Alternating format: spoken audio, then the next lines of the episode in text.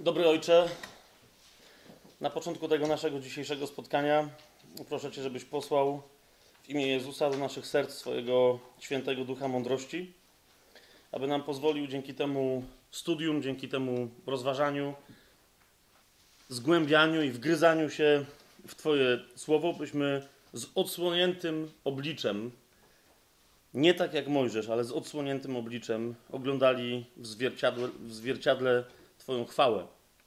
Żebyśmy podchodzili do zwierciadła, ale w nim zamiast siebie, żebyśmy widzieli, kim możemy się dzięki Tobie stać. Żebyśmy zostali przemienieni w ten sam obraz, jaki Ty w nas widzisz. Żebyśmy się przemieniali z chwały w chwałę, jak to zawsze możesz w nas sprawiać, jeżeli tylko my Twojej mocy na to pozwalamy. Który żyjesz i królujesz na wieki wieków. Amen. E, końcówkę tej modlitwy, jak Wam mówiłem ostatnio, e, chcę, żeby nasze modlitwy się opierały na e, słowie. Końcówkę tej modlitwy zaczerpnąłem z, trzecie, z drugiego listu do Koryntian, z trzeciego rozdziału. Nie tylko po to, żeby się pomodlić, ale też ponieważ inną obietnicę, jaką złożyłem, złożyłem to było, że jak się będziemy spotykać, nie tylko będziemy dotykać, rozważać słowo, ale też mm, będziemy sobie cały czas powtarzać, jak rozważać słowo. Ok? I y, właśnie w drugim liście do Koryntian, w trzecim rozdziale, w wersetach od 14 do 18, y, y, mamy po raz kolejny powtórzone w inny sposób, jak do słowa podchodzić i jak w jedyny w zasadzie sposób zrozumieć Słowo Boże. Jak sobie otworzycie ten drugi list do Koryntian, trzeci rozdział, to tam zobaczycie, czternasty werset, pierwsze zdanie pomincie, że umysły ich otępiały, bo ono się odnosi, musielibyśmy rozważać, co tam wcześniej było napisane. Zacznijmy od drugiego zdania czternastego wersetu. Albowiem aż do dnia dzisiejszego, przy czytaniu Starego Przymierza, ta sama zasłona pozostaje nieodsłonięta, gdyż w Chrystusie dopiero zostaje ona usunięta. Tak jest aż po dzień dzisiejszy, ilekroć czyta się Mojżesza, zasłona leży na ich sercu. Ale gdy się do Pana nawrócą, zasłona zostaje zdjęta. Zatem żeby móc doświadczyć Słowa Bożego, nie tylko wziąć je i czytać, potrzebujemy przyjęcia Chrystusa.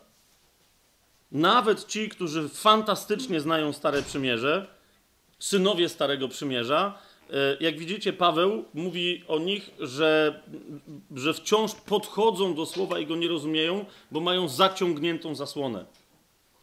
I to jest to, co cały czas e, sobie i, i nam tutaj na tych spotkaniach przypominam bez Chrystusa nie ma zrozumienia Biblii. My nie jesteśmy. Jedną z najgorszych rzeczy, jakie, jakie czasem spotykam u, u szanujących Pismo Święte chrześcijan, bo, bo, najgorsze jest, że są też tacy, którzy nie szanują Pisma Świętego, tak? No to, to już w ogóle pomijam. Ale u szanujących Pismo Święte chrześcijan jest to, że pozwalają sobie czasem definiować się tak, jak nas definiują muzułmanie. Mianowicie mówią, że my jako chrześcijanie jesteśmy wyznawcami księgi. Nie jesteśmy wyznawcami księgi. Muzułmanie są wyznawcami księgi, którą mniejsza o to, kto podyktował Mohamedowi, tak? Ja, ja wiem, że to się nagrywa i jak potem będą mi mieli ściąć głowę za to, to fantastycznie, no nie? Bo przynajmniej złożę świadectwo Chrystusowi. Więc mówię wyraźnie. Oni są wyznawcami księgi, Koranu i jeszcze komentarzy do Koranu. Tak? My nie jesteśmy wyznawcami księgi. Biblia sama z siebie nie jest święta. Teraz niektórzy powiedzą, ja ci kręcę, w ogóle ktoś powiedział. I... Rozumiesz, ta książka nie jest święta. Nie możesz sobie zrobić z tej książki Boga i potem sobie go przykładać i... Nie, święte jest żywe słowo. Tak? Które stało się ciałem. Które, które się objawiło jako Mesjasz i na którego powrót, powtórny, powtórne przyjście czekamy. Tylko ten może zrozumieć słowa, które są zapisane w Biblii, kto jednocześnie dzięki wierze ma w sobie żyjącego Chrystusa, który jest w stanie w trakcie Twojego czytania Biblii przemawiać do Ciebie głosem ducha od środka. Chrystus podczas, świę, podczas święta powstał i krzyczał: Kto jest spragniony, niech przyjdzie do mnie i pije. Strumienie wody żywej, co zrobią? Popłyną z jego wnętrza. Przyjęcie Chrystusa w wierze powoduje, że Duch Boży zaczyna się wlewać nie do nas, ale wlewać na świat, wylewając się z nas. I dlatego, jeszcze raz, zobaczcie sobie 14-15 werset. Zasłona pozostaje, od, zas, y, pozostaje nieodsłonięta, gdyż w Chrystusie dopiero zostaje ona usunięta. I 15 werset też to powtarza. Gdy się do Pana nawrócą, zasłona zostaje zdjęta. Inaczej można czytać Stare Przymierze, tak jak 14 werset mówi, i, i nic z niego nie, roz, nie zrozumieć, a już tym bardziej nie zrozumieć Nowego Przymierza. Mamy jasność w tej kwestii? Nie ma czytania Biblii bez modlenia się w duchu. 17 i 18 werset mówi, że Pan jest duchem i dopiero tam, gdzie duch pański, tam wolność. I 18 werset, ten tutaj najważniejszy. My wszyscy wtedy z odsłoniętym obliczem, oglądając jak w zwierciadle chwałę Pana, zostajemy przemienieni w ten sam obraz, z chwały w chwałę, jak to sprawia Pan, który jest duchem czytanie Biblii, jeżeli nie powoduje u ciebie przemiany, a nie może bez przyjęcia Chrystusa, jest żadnym czytaniem. No jest wtedy intelektualnym studium i rozważaniem, czepianiem się słówek, wynajdywaniem jakiejś wiedzy. Słowo Boże, dzięki przyjęciu słowa Chrystusa w wierze, czytane, studiowane, staje się prawdziwym pokarmem, i wtedy dzięki takiemu studium zostajemy przemienieni w ten sam obraz który widzimy w zwierciadle pańskim i się przemieniamy z chwały w chwałę, jak to sprawia Pan, który jest duchem. My jesteśmy wyznawcami Ojca w imieniu Jezusa w mocy ducha. Jesteśmy czcicielami w duchu i w prawdzie. Jesteśmy czcicielami Boga, który jest duchem, a nie czcicielami książki, która może być niezrozumiała. Jasne jest? Co powiedziałem, że pismo święte nie jest święte, w tym jest święte jak najbardziej, tym znaczeniu, że objawia świętego, a nie, że należy z niego zrobić e, jakiegoś wyspecjalizowanego idola czy bałwana. Teraz e, obiecałem wam ostatnio, tu się muszę, ręce podnoszę, muszę się przyznać, obiecałem wam ostatnio, że już dzisiaj przejdziemy do tematu przymierza, ponieważ przy Noem pojawia się temat przymierza, ale naprawdę bardzo mocno e, jestem przekonany, że, że, że to Bóg mi położył na serce, że istnieje jeszcze jeden temat przed przymierzem, który potrzebujemy zgłębić i go podjąć, żeby w ogóle kwestia przymierza i tego, co Bóg następnie czyni z nami, tego wszystkiego, co Biblia nazywa ekonomią zbawienia, żeby, żebyśmy się naprawdę tym przejęli. E, dlaczego tak jest? Ponieważ bez zrozumienia tego, co się działo jak mówi pismo, za dni Noego. I to jest bardzo konkretne określenie epoki, która w Biblii w wielu miejscach jest nazywana dniami Noego.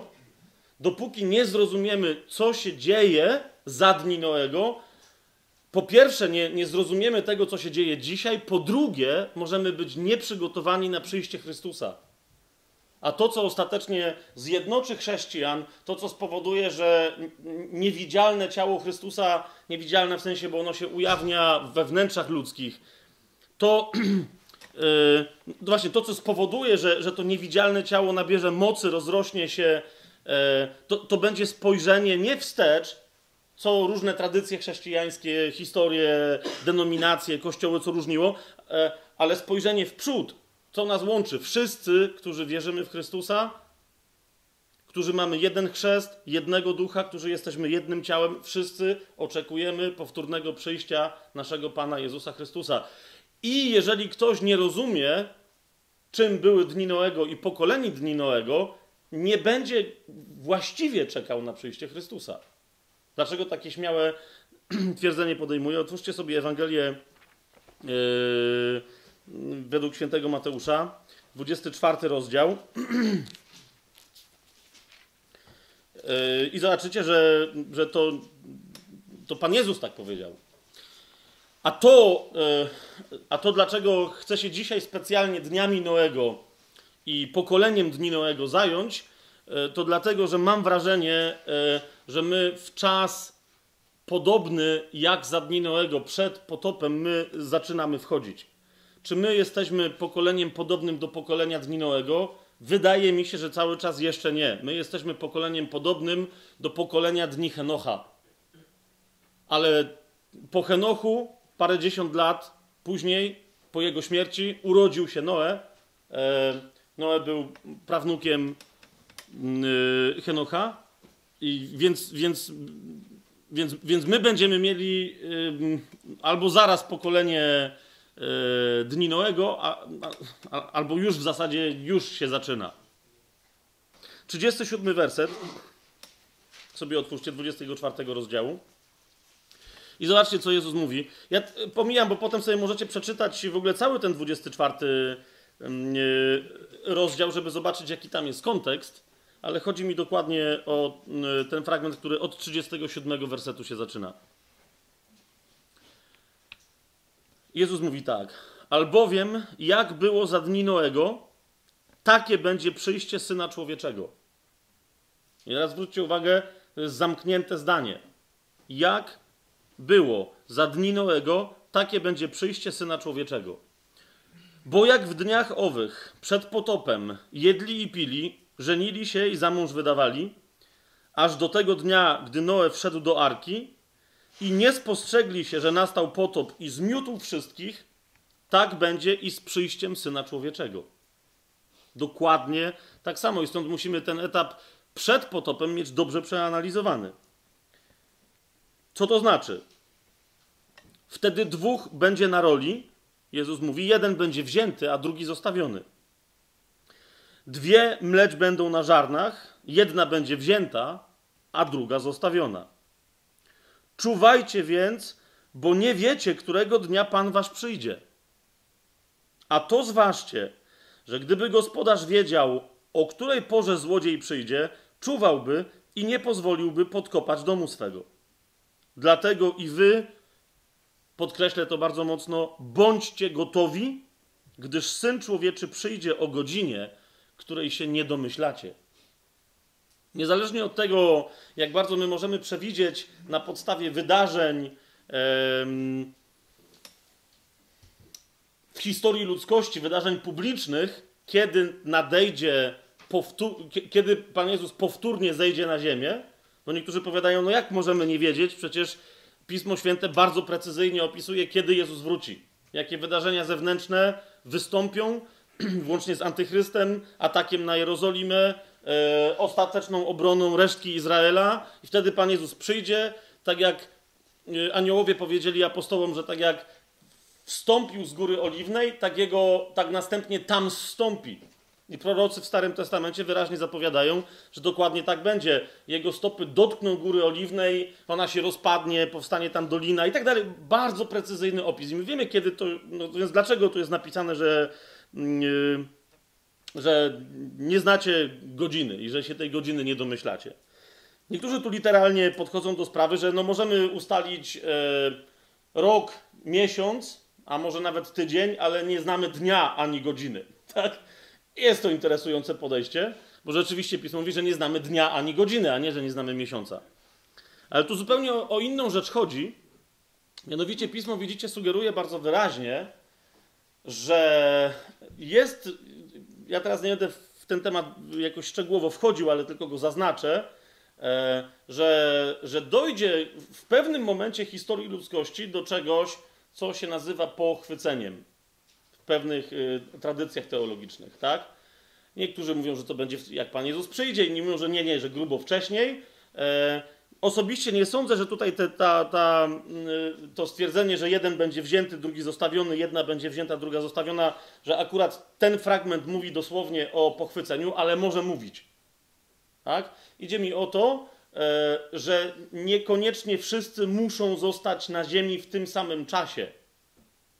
Poza tym, to jest, więc to jest jedna rzecz, tak? Nie, jeżeli Pan przyjdzie, żeby nas wziąć, nas wierzących, żeby nas wziąć wcześniej, to jest pytanie, czy Ty będziesz wtedy należeć do tych, którzy będą przygotowani na to wzięcie, czy nie będziesz przygotowany? Zauważcie, że zaraz w 25 rozdziale, tutaj w Ewangelii Mateusza, 25 rozdział zaczyna się od podobieństwa, od przypowieści o dziesięciu pannach.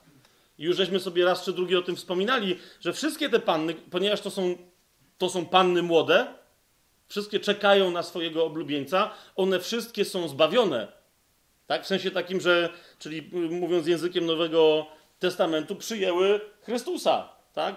Dokonały na przestrzeni tam swojego życia kiedyś tam dokonały wyznania wiary, tak? Przyjęły go do swojego życia, mają szaty oblubieńcze, tak? A jednak czegoś im w momencie przyjścia Chrystusa brakuje i jedne wchodzą na ucztę, a inne zostają na zewnątrz, tak? Zobaczcie sobie 25 5 rozdział, 11 werset. Później nadeszły i pozostałe panny, mówiąc: Panie, panie, otwórz nam. On zaś odpowiadając, rzekł: Zaprawdę powiadam wam, nie znam was. I jeszcze raz tutaj się pojawia dokładnie to samo zastrzeżenie. Rozumiecie? Czuwajcie więc, bo nie znacie dnia ani godziny, o której syn człowieczy przyjdzie. Samo wejście w wiarę to jest jedno, a postawa czuwania to jest drugie. Nie, teraz znowu nie dotykamy też kwestii pewności zbawienia, chociaż po części tak. Są tacy, którzy latają, rozumiecie, po całym świecie i wszystkich nakłaniają, po prostu powiedz, że przyjmujesz Pana Jezusa jako swojego osobistego Pana i Zbawiciela, wszystko gra. Tak, I go zostawiają.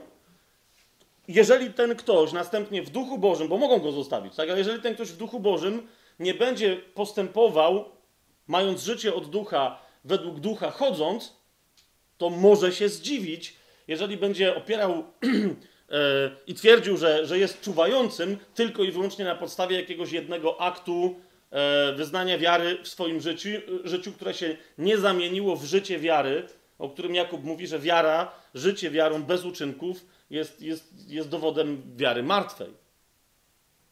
Więc jeszcze raz widzicie, Jezus mówi, żeby zrozumieć o co chodzi, jakiego rodzaju, e, nie tylko żeby wie w ogóle być wierzącym, ale jakiego rodzaju wierzącym być, uczcie się od Noego i czym on się różnił od tego pokolenia, z którym żył. Wiele osób tutaj mówi, że no, ale to jest proste, po prostu idzie o to, że, że zobaczcie, 24 jeszcze raz rozdział Ewangelii Mateusza, 38 werset, że to chodzi tylko o to, że po prostu ludzie wtedy się nie spodziewali. W dniach owych przed potopem jedli i pili, żenili się i za mąż wydawali, aż do tego dnia, gdy Noe wszedł do arki i nie spostrzegli się. Według mnie tutaj idzie o coś znacznie większego. Według mnie tutaj idzie o jedno, jednego z, z, najgorszych, jeżeli po prostu nie najgorszego wirusa duchowego, jaki istniał kiedykolwiek i który ewidentnie dzisiaj coraz większą liczbę osób pochłania. I to jest dokładnie tak jak w tych wszystkich filmach o, o zombich, Rozumiecie? dokładnie za każdym razem, jak, jak jakiś, jakąś o takiej rzeczy słyszę, kolejny film, jakaś gra się pojawia i tak dalej, to jest dokładnie to. Ludzie myślą, że żyją, ale żyją jako funkcjonujące trupy. I teraz myślą, że to jest ok. To jest taki wirus. On się rozprzestrzenia.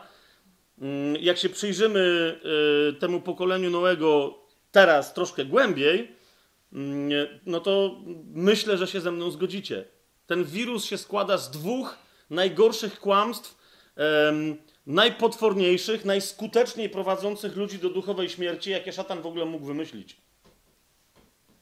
I yy, dlatego właśnie, jak ludzie mi mówią, dobra, 38 werset to jest tyle, jedli, pili, żenili się, tam nic więcej nie jest powiedziane. Najważniejsza rzecz jest powiedziana na początku 39 wersetu. Mamy tutaj tłumaczenie, że oni się nie spostrzegli, ale widzicie, po grecku tam to słowo równie dobrze może być przetłumaczone jak, jako nie chcieli przyjąć wiedzy albo nie zrozumieli, co się dzieli. Nie, nie że się nie spostrzegli. Na litość boską. Tam, tam mieli 100 albo dobre ponad 100 lat na to, żeby się spostrzec. ok? I zaraz sobie o tym dokładnie, dokładniej powiemy. A zatem Po pierwsze, potrzebujemy zrozumieć, na czym polega odstępstwo, żebyśmy nie stali się jak pokolenie dni Noego, Po drugie, potrzebujemy zrozumieć na przykładzie Noego, co znaczy czuwać. I w związku z tym sięgnijmy do pierwszego, do pierwszego fragmentu, to będzie list do Hebrajczyków, rzecz jasna, jedenasty rozdział. Ci z Was, którzy więcej, bo wiem, że tu jest sporo takich osób, którzy, którzy więcej yy, Biblię studiują, wiecie doskonale, że, yy, że postać Noego powraca mm, w Piśmie Święty, Świętym yy, i Starego i Nowego Testamentu. Natomiast bardzo niewiele osób yy, dostrzega rzeczywiście to, co o Noem jest napisane yy, w liście do Hebrajczyków i w ogóle. Yy, i, i w ogóle w kontekście całego Nowego Testamentu. Okay? Pierwsza rzecz to jest jedenasty rozdział listu do Hebrajczyków, siódmy werset. Zobaczcie, co tutaj jest napisane. Ja wam oczywiście polecam przeczytanie całego jedenastego rozdziału, ponieważ on mówi o wierze. Jest jeden z najmocniejszych, e, jednych takich fragmentów Biblii, który w jednym ciągu e, mówi, czym jest wiara jak ona czym się ona przejawia, jak ona funkcjonuje, tak? Ale sięgnijmy po prostu do siódmego wersetu. Zobaczcie. Przez wiarę zbudował Noe, ostrzeżony cudownie o tym, czego jeszcze nie można było widzieć, pełen bojaźni, arkę dla ocalenia rodziny swojej. I teraz uwaga, przez nią wydał wyrok na świat i odziedziczył usprawiedliwienie, które jest z wiary. Bardzo, wiele, bardzo wielu głosicieli, tam kaznodziejów i tak dalej mówi całkiem słusznie, że wzorem usprawiedliwienia z wiary jest Abraham. I mają słuszność, yy, ponieważ, no właśnie, w ósmym wersecie też się onże pojawia.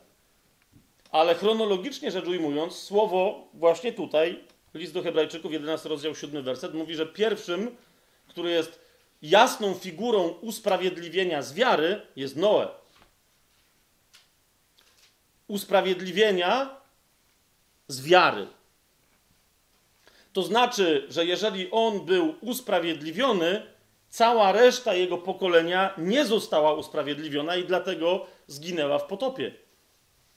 Został usprawiedliwiony nie dlatego, że on sam z siebie był sprawiedliwy. Niektórzy tak chcą czytać informacje na jego temat z Księgi Rodzaju, ale jak o tym zaświadcza list do Hebrajczyków, został usprawiedliwiony z wiary. Bóg do niego przyszedł, objawił mu się, podobnie jak wielu innym ludziom, a on jeden uwierzył Bogu. A zatem pierwsza, pierwszy aspekt, cecha charakterystyczna Twojego czuwania to ma być wiara nie w to, co ludzie do ciebie mówią, nie w to, co jakieś tradycje tam głoszą. Grupy, do których się przyłączasz, mówią: hej, my tak wierzymy, więc wierz tak jak my, ale to ma być wiara nie w co, w ideologię, w filozofię i tak dalej, to ma być wiara komu? Wiara Bogu. Bóg do ciebie mówi przez słowo, czytaj, zgłębiaj je w wierze, w duchu, i jeżeli Bóg do ciebie coś mówi przez słowo, to jemu ufaj i jemu wierz. To jest wiara, która prowadzi do usprawiedliwienia. Oczywiście ostatecznie wiemy o co chodzi, tak? Dziesiąty rozdział listu do Rzymian. Jeżeli ustami, jeżeli w sercu swoim uwierzysz, że Bóg go wskrzesił z martwych, Jezusa Chrystusa, a ustami wyznasz, że Jezus jest Panem, będziesz zbawiony. Bo sercem przyjęta wiara prowadzi do usprawiedliwienia, a wyznawanie jej ustami do zbawienia. Więc my wiemy, yy, wiara w kogo, prowadzi do pełnego usprawiedliwienia i jak, wyznawa, jak wyznawana. Natomiast widzicie, pierwszym jej wzorem, pierwszą figurą jest Noe, który uwierzył Bogu. Niemniej e, e, Piotr jest znacznie bardziej śmiały i on mówi, że tu nie tylko o to chodzi, że po prostu Noe wierzył Bogu, ale twierdzi, że Noe jest wzorem chrześcijanina w znacznie większej ilości szczegółów. Jak sobie otworzycie pierwszy list Piotra, to y, niektórzy tutaj są, są bardzo zadziwieni, a mnie to tylko zadziwia, dlaczego studiując pismo są tym zadziwieni, co tu czytają. Y, pierwszy list Piotra, trzeci rozdział, jak sobie otworzycie. Y, czytamy od 20 wersetu. I to nie, y, nie od tego pierwszego, nie, od, pomijmy te, te wyrazy tam do pierwszego przecinka, które niegdyś były nieposłuszne, bo to chodzi o, o duchy, które siedzą w więzieniu. Chociaż nawiasem mówiąc, to, to jest też interesujące, bo to jest kolejny fragment, który potwierdza nam to, o czym ostatnio e, Wam mówiłem, że ci e, synowie Boży, którzy, którzy stąpili na ziemię i tam coś zaczęli mieszać z ludźmi i mieli dzieci e, z kobietami ludzkimi i tak dalej. Juda potwierdza, że to byli, że to byli aniołowie, to były istoty upadli aniołowie, ale jednak, tak, istoty duchowe. I tu nawiasem mówiąc, to jest też taki fragment, w którym Piotr też wyraźnie twierdzi, Y, właśnie, że to były istoty duchowe, bo to do nich się odnosi tutaj w 19 wersecie. Jest powiedziane, że Jezus tam poszedł i im też ogłosił swoje zwycięstwo. Komu? Zwiastował je duchom będącym w więzieniu. Jakim duchom? Które niegdyś były nieposłuszne, kiedy, gdy Bóg cierpliwie czekał za dni Noego, kiedy budowano arkę. Tak? To, są, to są właśnie te, te duchy, które przyjęły fizyczne postacie i tam coś zaczęły mieszać yy, z ludźmi. Ale my ten temat na razie zostawiamy, tylko yy, zacznijmy od fragmentu, że Bóg cierpliwie czekał za dni Noego. Widzicie ten, ten fragment? Okej, okay, to, to, to tam czytamy. Bóg cierpliwie czekał za dni Noego, kiedy budowano arkę, w której tylko niewielu, to jest osiem dusz, ocalało przez wodę. I teraz zobaczcie 21 werset. Ona jest obrazem chrztu, który teraz i was zbawia, a jest nie pozbyciem się cielesnego brudu, lecz prośbą do Boga o dobre sumienie przez zmartwychwstanie Jezusa Chrystusa.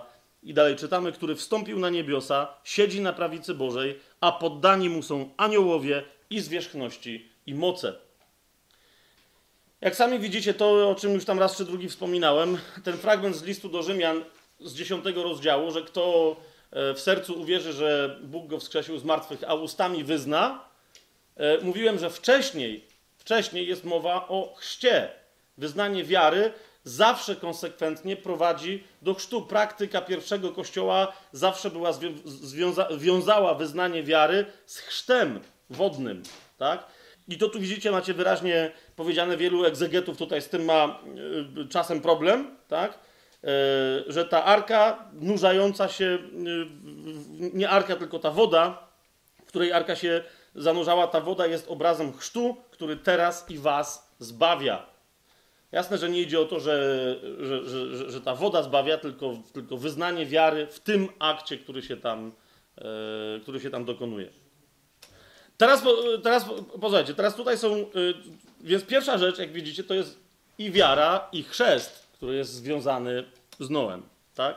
Ale chcę zacząć od tego stwierdzenia, że Bóg cierpliwie czekał za dni Noego. Ok?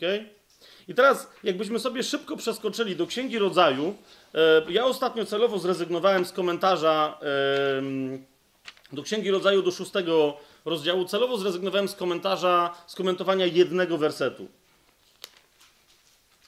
To jest szósty rozdział Księgi Rodzaju, to jest trzeci werset. On jest dziwny. Wiele osób mówi, że w ogóle o co tutaj chodzi. Yy... Szósty rozdział, trzeci werset. Widzicie go? Nie wiem, jak tam u was te tłumaczenia wyglądają. U mnie w, w tłumaczeniu warszawskim yy, brzmi ten werset tak. I rzekł Pan, nie będzie przebywał duch mój w człowieku na zawsze, gdyż jest on tylko ciałem. Będzie więc życie jego trwać 120 lat. No i niektórzy słusznie pytają, no ale jak będzie jego życie trwać 120 lat, jak wystarczy sobie spojrzeć tam dookoła. Sam Noe miał 500 lat, kiedy mu się urodził Sem, Ham i Jafet. 600 lat miał, kiedy przyszedł potop i tak dalej, i tak dalej. Czyli co, Bóg powiedział, że będzie 120 lat, a tu inni no, też żyli, no bywało, że znacznie dłużej niż 120 lat. Otóż zacznijmy od początku tego, y, tego zdania. Bo ono właśnie świadczy o tym, że Bóg cierpliwie czekał.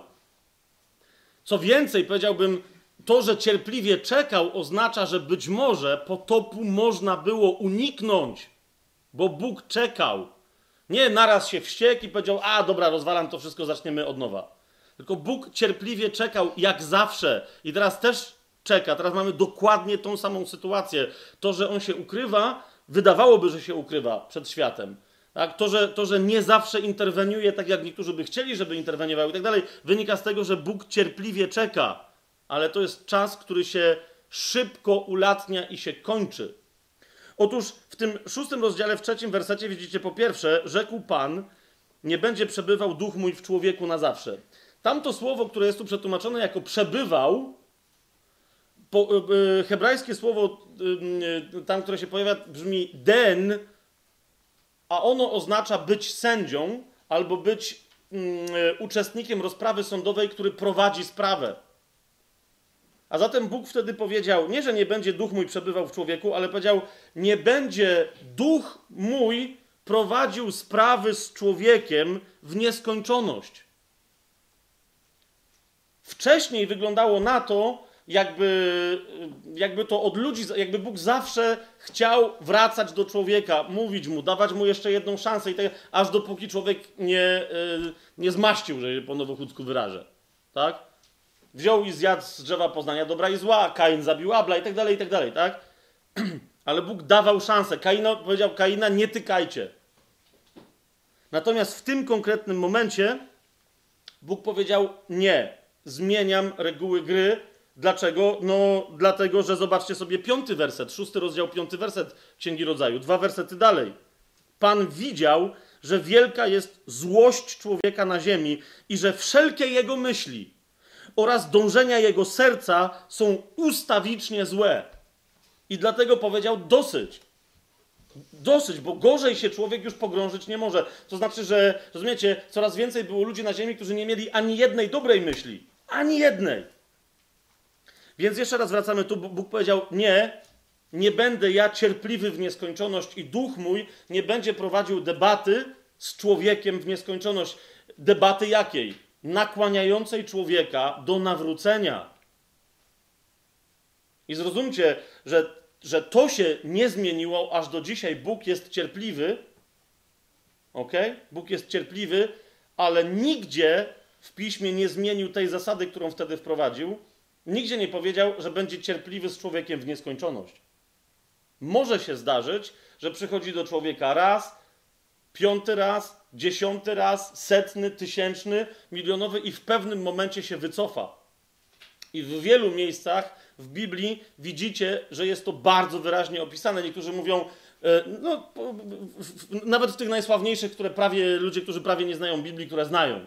I zwykle wtedy się czepiają, mówią, że no tak, ale Żydzi przeszli przez Morze Czerwone, a Bóg zabił tam Egipcjan. I dlaczego był taki chamski? Bo przecież Biblia mówi wyraźnie, że to on zatwardził serce faraona. Ale kiedy zatwardził serce faraona? Co to oznacza? dając mu mnóstwo szans, aż do momentu, kiedy powiedział: Dosyć, więcej szansy ci już nie dam. I za każdym razem, kiedy przychodzi do ciebie, czy kiedy przychodzi do mnie, to jest bardzo istotne, kiedy przychodzi do naszego pokolenia, mówi: Masz wiele szans, ale ostrzegam cię, że ich liczba nie jest nieskończona. A jednym z, jedną z cech tamtego pokolenia było uznawanie, że, że można przepuścić nieskończoną ilość szans i zawsze będzie jakaś szansa u Boga. To jest również coś, co charakteryzuje nasze pokolenia, w każdym razie zaczyna charakteryzować. Ok? Przychodzisz do kogoś i mówisz, nawróć się, a on mówi, a jeszcze mam czas, no nie? I jeszcze sobie pogrzeszę. Właśnie o to mi idzie. Zaraz jeszcze, zaraz jeszcze będziemy, yy, będziemy więcej na ten temat mówić. Jak sobie otworzycie księgę przysłów, na moment, to zobaczycie, tam to jest, to jest ona jest zaraz po, yy, czy przypowieści Salomona, bo to możecie mieć tam różne tłumaczenia, yy, zaraz po Księdze Psalmów, to, to, to tam mądrość dosłownie krzyczy na ten temat.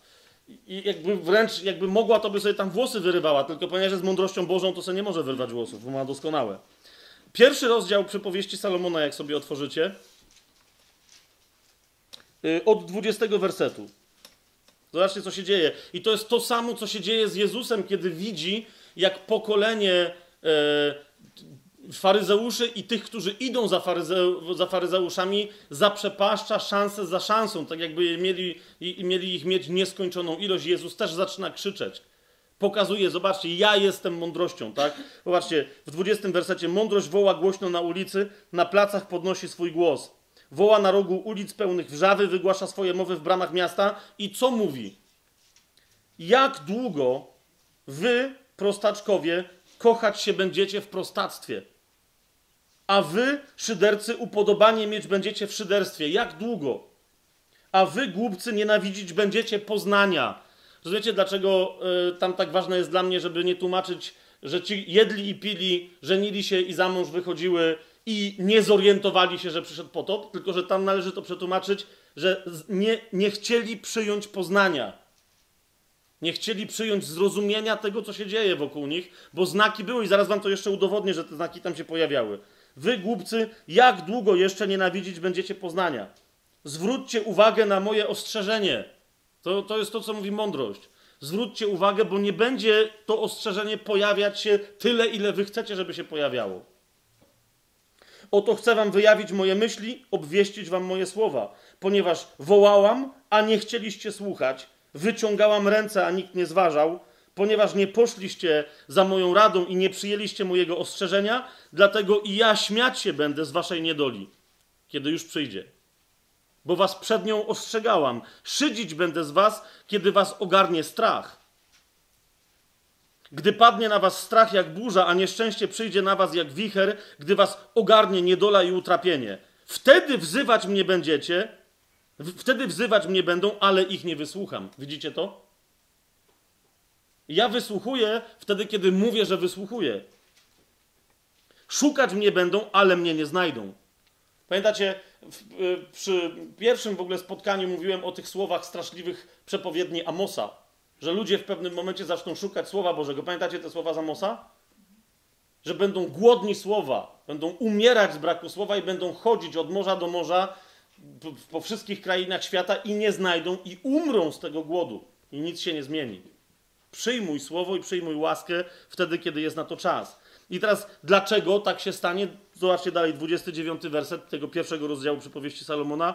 Bo nienawidzili poznania i nie obrali bojaźni Pana i nie chcieli mojej rady, gardzili każdym moim ostrzeżeniem. To jest to. Więc dlatego teraz, bo potem mówią, no ale to dlaczego Bóg się obraża? Bóg się nie obraża, ale w pewnym momencie Bóg musi ci dać doświadczyć tego, co wybierasz.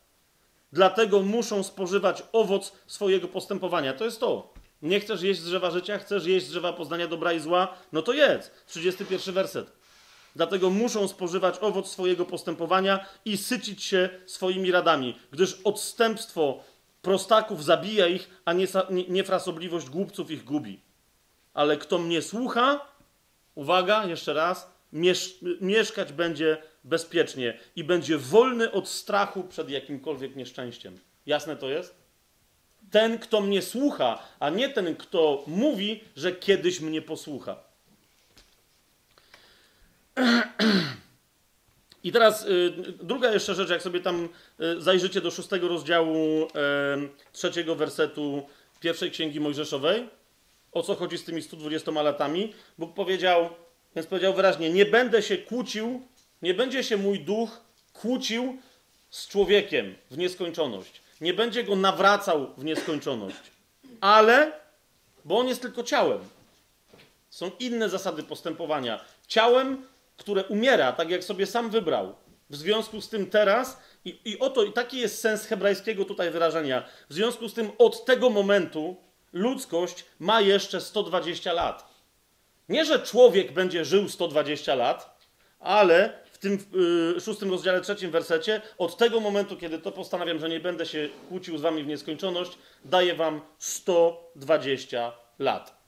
A zatem mamy wyraźnie powiedziane, że Bóg cierpliwie czekał. Drugi Piotra, jak sobie teraz y, otworzycie, bo Piotr y, do tego tematu ewidentnie cały czas powraca.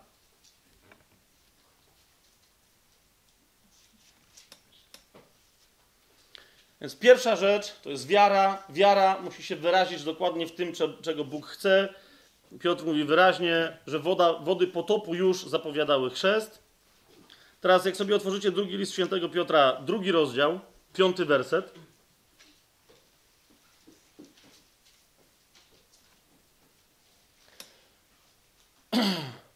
Zobaczycie, że y, co się działo za dni Noego. Noe, który się podobał Panu, o którym Księga Rodzaju mówi, że, że chodził z Bogiem, podobnie jak swój y, pradziadek Henoch. E, tam jest tylko powiedziane, że się podobał Bogu. Natomiast w drugim rozdziale, zobaczcie, w piątym wersecie jest powiedziane wyraźnie, że nie tylko budował arkę, ale że głosił nawrócenie, głosił sprawiedliwość, czym ona jest, temu pokoleniu, które nie było sprawiedliwe, bo czyniło zło i tylko i wyłącznie zło zamierzało w swoich sercach. Drugi Piotrowy, drugi rozdział, piąty werset, zobaczcie.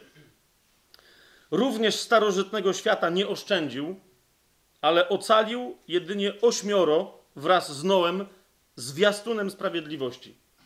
Niektórzy tutaj też to tłumaczą jako przepowiadaczem albo kaznodzieją sprawiedliwości, zesławszy potop na świat. Jaki świat? Do kogo należący? Wtedy na świat bezbożnych. Tak? A zatem bezbożnym, tym, którzy żyli w niesprawiedliwości, Noe co głosił? Sprawiedliwość. A więc, no więc zupełnie swobodnie możemy powiedzieć, że już wtedy głoszone było jasno i wyraźnie, e, oczywiście na ta, takich warunkach, jakie tam wtedy im były dane, nawrócenie. Tak? Czym się to nawrócenie musiało wyrażać?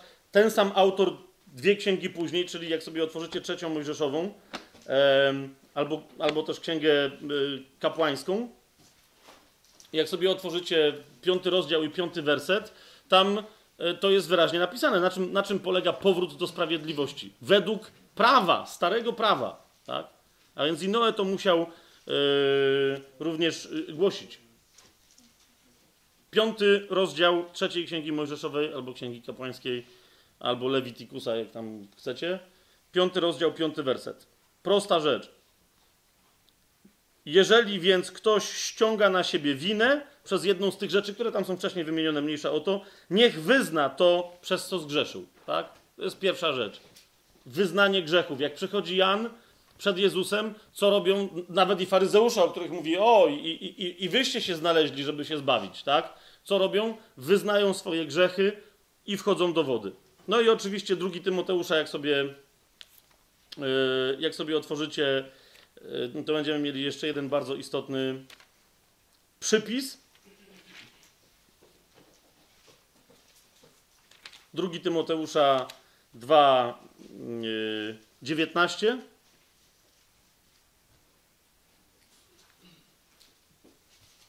Drugi Tymoteusza 2,19 i, i tu to jest ewidentne nawiązanie również do, e, do, do myśli mojżeszowej wyrażonej w księgach e, mojżeszowych. 2 Tymoteusza 2,19 macie?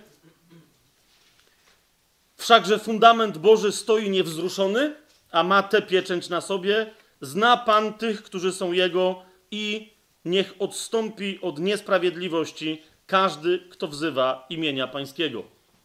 Samo wzywanie imienia Pańskiego, które później przez Pawła w innych miejscach jest nazywane po prostu pozorem pobożności, jeszcze dzisiaj tego dotkniemy, niczego nie załatwia to jest religia. Ludzie myślą, że jak uprawiają jakąś religię i w ramach tej religii wzywają Boga, albo że mu tam jakieś ofiary przez siebie wymyślone składają i tak dalej, i tak dalej, to że to im załatwi sprawę. Nie, nie, nie załatwi, ponieważ wtedy próbują się samo usprawiedliwiać.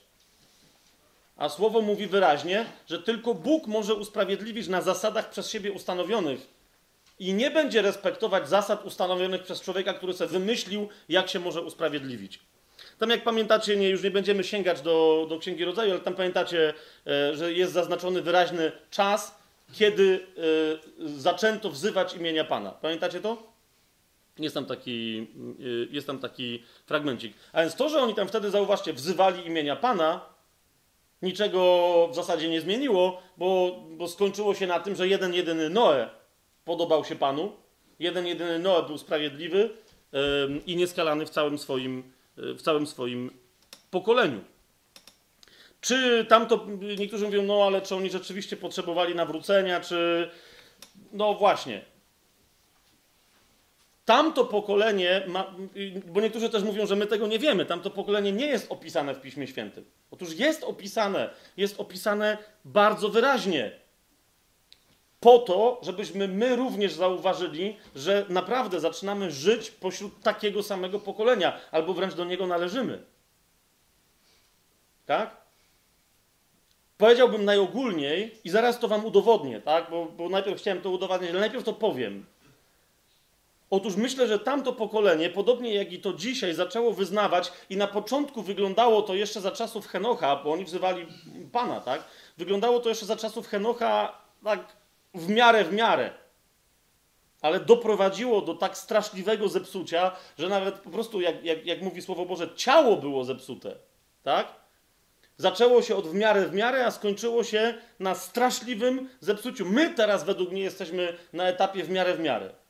Otóż widzicie, te dwie rzeczy, o których mówiłem, yy, absolutnie potworne, najgorsze, największa trucizna, z jaką możemy mieć do czynienia i najgorszy szatański pomysł, jaki, jaki mu przyszedł do głowy, już gorszego mieć nie będzie, to są dwie tezy, które wydaje mi się, że zamieniły się w autentyczną światową religię dzisiaj która dotyka zarówno ludzi, którzy wyznają chrześcijaństwo, jak i islam, jak i buddyzm, jak i, jak i ateistów. Po prostu jest jedna religia, która tych wszystkich ludzi łączy.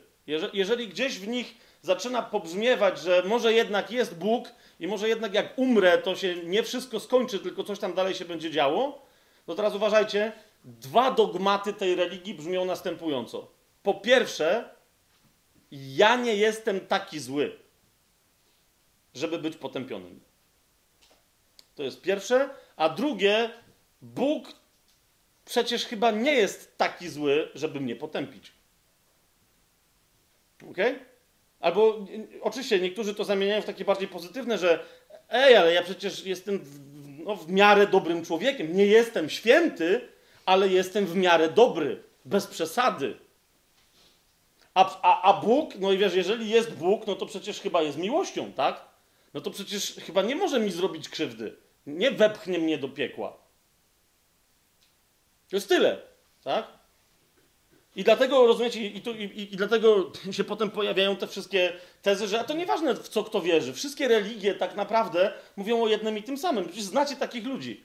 Znacie takie tezy, albo może nawet sami takie wyznajecie, ja nie wiem tego, tak? Chodzi ci o ekumenę? Nie, mniejsza o to teraz, jak to tam nazywać i ko, kto tam kogo chce atakować. Bo to nie chodzi o ekumenę, rozmowy takiego czy innego rodzaju między chrześcijanami. Mi idzie o to, że e, wielokrotnie się spotykałem z ludźmi, którzy na przykład zupełnie niewierzącymi. Ja mówię, ja nie wierzę w Boga, nie? Ale jak jest, e, no to nic mi się nie stanie, no nie? Nie chcę cię słuchać, nie chcę przyjmować Ewangelii, nie chcę się dowiedzieć, co mówi tam jakieś słowo, bo, no bo przecież wiesz, no nie? Po pierwsze zauważcie, że ci ludzie mówią, że jest tak, jak oni sobie postanowili, że jest. Rozumiecie, o co mi idzie? To nie jest tak, że on mówi, ja przeczytałem całą Biblię i tam jest tak napisane. Tylko mówią, nie, mi się wydaje, że tak jest, a skoro mi się wydaje, to tak musi być. Po prostu, tak? Ja nie jestem aż taką złą osobą. Aż taką złą jak kto? Należałoby zapytać, do kogo się porównujesz? Otóż i zawsze wtedy się pojawia co? No przecież zobacz, są naprawdę źli ludzie na świecie. Stalin, Hitler, okej? Okay? Ci, którzy mordują, siedzą po więzieniach, gwałcą, kradną, politycy. To zobacz, to są goście, tak? Którzy mają na moralnym z Bogiem czy tam z kimś, tak? To są goście. Ale ja? Tylko, że, no, no właśnie, jeszcze raz, czy, a, a czy Biblia mówi, bo ja nie odnoszę się do innych religii, ale mnie to nie interesuje za bardzo, tak? Ale czy Biblia mówi, że to jest twój punkt odniesienia? Czy też na każdym kroku Bóg woła takimi bądźcie jak ja jestem? Świętymi bądźcie, jak ja jestem święty. Miłujcie się nawzajem, jak ja was umiłowałem. Doskonałymi bądźcie nie według swojego rozumienia, ale takimi, jak ja się objawiam, że jestem doskonały. I dlatego Jezus cały czas tym wszystkim swoim oponentom powtarza: patrzcie na mnie, bo kto mnie widzi, widzi Ojca. Nie tłumaczcie mi, że według was prawo mówi, że robienie tego czy tamtego jest naśladowaniem Boga. Patrzcie na mnie, mnie naśladujcie, a wtedy będzie, będziecie tacy jak Bóg. Do Niego się porównujcie, a nie do tych, którzy myślicie, że są gorsi od was. Zwłaszcza, że co wtedy robicie? Osądzacie. Żeby samemu uniknąć potępienia, potępiacie innych. A co Jezus na to mówi? Nie sądźcie, żebyście wy nie byli sądzeni. Nie potępiajcie, bo będziecie potępieni. uważajcie, co robicie. Ponieważ jeżeli ty osądzasz kogoś, że jest gorszy od ciebie, to automatycznie to zrównuje cię z nim, niezależnie od tego, jak byłby zły. A w każdym razie zrównuje cię z tym osądem, który wydajesz na jego temat. A zatem to, to jest to, tak? A druga rzecz, że no właśnie, ponieważ ja nie jestem aż taki zły, to Bóg musiałby być strasznie niesprawiedliwy, żeby mnie upokorzyć. No, pamiętacie, nawet ostatnio żeśmy o tym, e, do tego się odnieśli, na to zwróciłem uwagę. E, I fakt, że ktoś nie, nie, nie, nie, posiada w pamięci swojej tak, odniesienia do jakiegoś straszliwego jednego grzechu, nie zmienia faktu, że jak stanie na sądzie uczynkowym i załóżmy, że tam rzeczywiście będzie waga, to na tej wadze, która na, tej, na, tej, na, tym, na tym ramieniu wagi, które, które będzie ważyć grzech, tam się pojawią wszystkie grzechy. I teraz, no, jak się odniesiemy tylko i wyłącznie do tej jednej rzeczy, o której Jezus powiedział, też w, w, w Ewangelii Mateusza, jak on powiedział, z każdego pojedynczego, bezużytecznego słowa zdacie sprawę i będziecie rozliczeni. Ci, którzy pójdą na sąd uczynkowy, tak? To naprawdę ktoś z was, jak tutaj siedzicie, na, naprawdę uważacie, że wiecie, ile słów bezużytecznych wypowiedzieliście i że to nie będzie ciężkie? Bo, bo ja wiem, że o mój Boże. Myślę, że jakbym zabił parę osób, to, to, to, to, to potworna waga tego straszliwego grzechu nie byłaby większa niż tych głupot, które nagadałem w swoim życiu oraz tych słów, które po prostu powiedziałem w ogóle bez sensu. Więc, więc naprawdę, jeżeli można, to, to ja bardzo chętnie chciałbym uniknąć tego sądu uczynkowego. A wiecie, jak się go unika? Przez wiarę, tak? przez przynależność do Chrystusa. I dlatego, i, i, dlatego te dwie tezy ze sobą połączone, rozumiecie, to dlatego ludziom ja nie chcę więcej słuchać o żadnej religii. Nie, ja nie chcę, ja, nie, ja mam swoje sprawy, ja muszę realizować siebie, wiesz, mam cele w życiu do osiągnięcia. Głupcze, mówi Ewangelia, jeszcze tej nocy zdasz sprawę. Co ty możesz sobie jeden dzień życia dołożyć do tego, co jest ci przepisane? Otwórzcie sobie e, list Judy, bo obiecałem wam dowód na to, że, że rzeczywiście to, tamto pokolenie jest opisane e, i, i, że to widać wyraźnie. W liście Judy w 14, od 14 wersetu, jak będziemy czytać, list Judy jest po prostu jednym rozdziałem, więc tam nie ma rozdziałów, tak? List Judy 14, od 14 wersetu, zobaczcie. Tu się pojawia tenże Henoch, który prorokował i który się podobał Panu przed Noem, tak? Pradziadek y, Noego. I teraz zobaczcie, a więc on prorokował do swojego pokolenia, tego pokolenia sprzed dni Noego. O nich też prorokował Henoch, siódmy potomek po Adamie, mówiąc: Oto przyszedł Pan z tysiącami swoich świętych.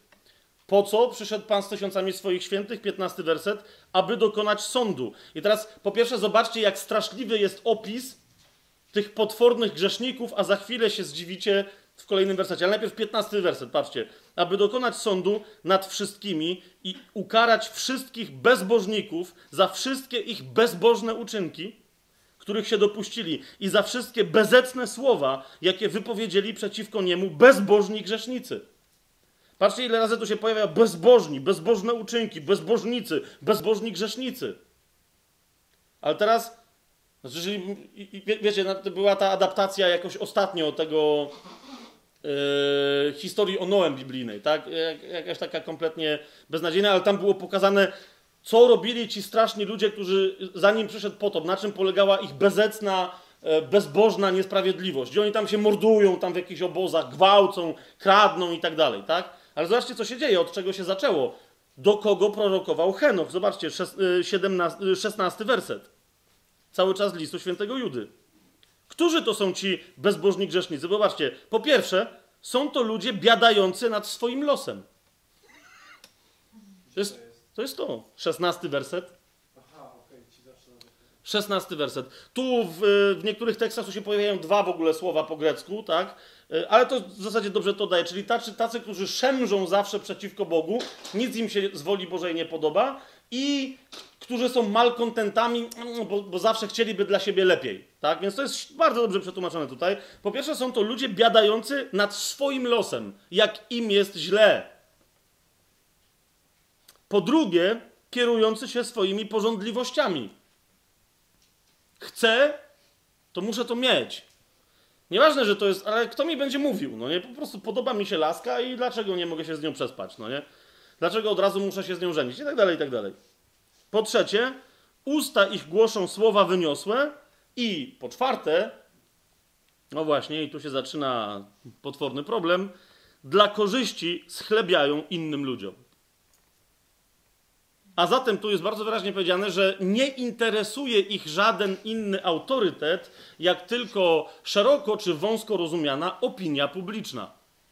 Szeroko rozumiana, bo mogą się zastanawiać, co sobie o mnie ludzie pomyślą, nie wiem, całe społeczeństwo, albo po prostu, co sobie pomyślą konkretne osoby, co sobie pomyśli moja mama, co sobie pomyślą moje dzieci, hej, co sobie i tak dalej, i tak dalej. Nie zastanawiają się, co się dzieje między mną a Bogiem i jaka tu się odbywa sprawa, ale zastanawiają się, ale co sobie inni na ten temat pomyślą. Że no ej, ale przecież trzeba być, trzeba do, do, sprawy podejść poważnie, przecież to, co myślą inni ludzie, nie, nie ma żadnego znaczenia, zwłaszcza kiedy idzie o twoje życie, życie wieczne. To nie ma absolutnie, absolutnie żadnego znaczenia. Dodatkowo jeszcze w 18 wersecie, za chwilę do tego wrócę, tylko chciałem tutaj ten list Judy, cały cytat, że się tak wyrażę, załatwić. W 18 wersecie jest jeszcze powiedziane, że dodatkowo e, to pokolenie to było i jest dzisiaj pokolenie szyderców. Gdy mawiali do was, właśnie, bo tam było, przypomnijcie sobie słowa e, apostołów, kiedy mawiali do was w czasie ostatecznym wystąpią szydercy, postępujący według swoich bezbożnych porządliwości.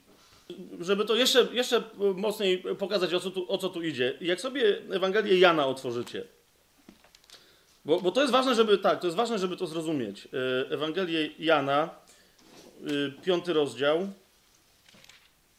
E, piąty rozdział.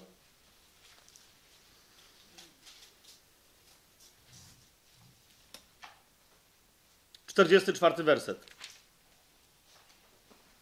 Znaczy, Jezus tam wyraźnie mówi, że kiedy ktoś ma taką postawę, nie może uwierzyć w, w Niego. Tak? Po, po, po, prostu odnoszenie się do opinii innych ludzi, do tego, co oni powiedzą, jaką wystawią e, notę i tak dalej, i tak dalej, e, nie, nie, nie można wtedy uwierzyć. To jest piąty rozdział, 44 werset. Jak możecie wierzyć, wy, którzy nawzajem od siebie przyjmujecie chwałę, a nie szukacie chwały pochodzącej od tego, który jedynie jest Bogiem? To jest to. Nie, nie, nie, to, to jest blokada, żeby w ogóle uwierzyć właśnie Bogu, tak? Yy, zresztą zobaczcie, bo, bo jest y, później no, straszny fragment y, dalej w tejże samej Ewangelii w 12 rozdziale, który wyraźnie to pokazuje. Mianowicie to nie jest tak, jak teraz przy okazji, na przykład w kościele katolickim, przy okazji Wielkiego Tygodnia, będą tam wiele będzie przepowiadania pewnie na ten temat.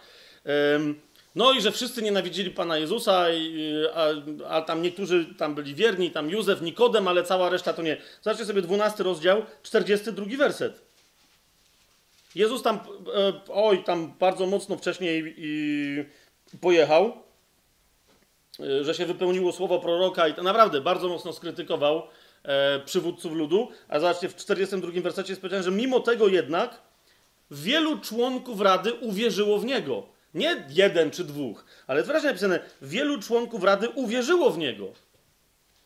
Ale wobec faryzeuszów nie wyznawali swojej wiary, żeby nie zostali wyłączeni z synagogi. Dlaczego? 43 werset. Umiłowali bowiem bardziej chwałę ludzką, aniżeli chwałę Bożą. I dlatego, jak przychodzi do prześladowania e, Jezusa takiego ostatecznego, uwięzienia go, jak on staje przed radą, żaden z nich się już wtedy nie przyznaje, że w niego wierzy. Tak? Józef później ciało Jezusa bierze tam Nikodem. Nie, no nie wiem, co tam Nikodem działa, tak? Ale chodzi mi o to, że nagle tych wielu wierzących w Jezusa po prostu okazało się, że no właśnie, ziarno padło na glebę, która nie chciała tego ziarna przyjąć, tak? I stąd to, e, o czym tutaj Juda mówi, że dla korzyści schlebiają innym ludziom, to, to właśnie to jest to, tak? Schlebianie, nawiasem mówiąc, tam chwałę też e, w sobie jako źródło słów w ogóle tam yy, zawiera, tak? A zatem widzicie, ta, e, albo, albo człowiek zrozumie, bo rzeczywiście nie da się wejść do życia wiecznego, nie będąc zapisanym, mówiąc językiem obrazowym, biblijnym, nie będąc zapisanym w księdze życia. Tak? Nie da się. To już myśmy to na drugim naszym spotkaniu myśmy o tym wyraźnie mówili. Nie da się. Natomiast, żeby być zapisanym w księdze życia, istnieją pewne zasady. Tak? Trzeba być sprawiedliwym, żeby być zapisanym w księdze życia. Jeżeli ktoś popada w niesprawiedliwość przez grzech, to co się dzieje? Wymazuje się w ten sposób, sam się wymazuje. Tak? De facto, no bo tam go wymazują, ale sam się wymazuje z księgi żywota. Jak tam można wrócić? Tylko i wyłącznie stając się na powrót sprawiedliwym. Jak to jest możliwe? Nie inaczej, jak tylko przez Jezusa. Nie inaczej. Nikt sam z siebie nie może wypełnić całego prawa, żeby być sprawiedliwym. Łamiąc, przestępując jedno przykazanie, łamie całe prawo. A czym się płaci za przestąpienie prawa? Zapłata za przestąpienie prawa, za grzech to śmierć. Więc jedyna, jedyne możliwe wyjście to jest śmierć razem z Chrystusem na krzyżu i powstanie z martwych będąc przyobleczonym w jego szaty. Nie ma żadnego innego wyjścia. Otwórzcie sobie Mateusza yy, z powrotem tylko 23 tym razem rozdział. Tutaj teraz trochę ostro pojedziemy, ale co na to poradzić? 23 rozdział. Ewangelię Mateusza, nie ma listów Mateusza. 23 rozdział.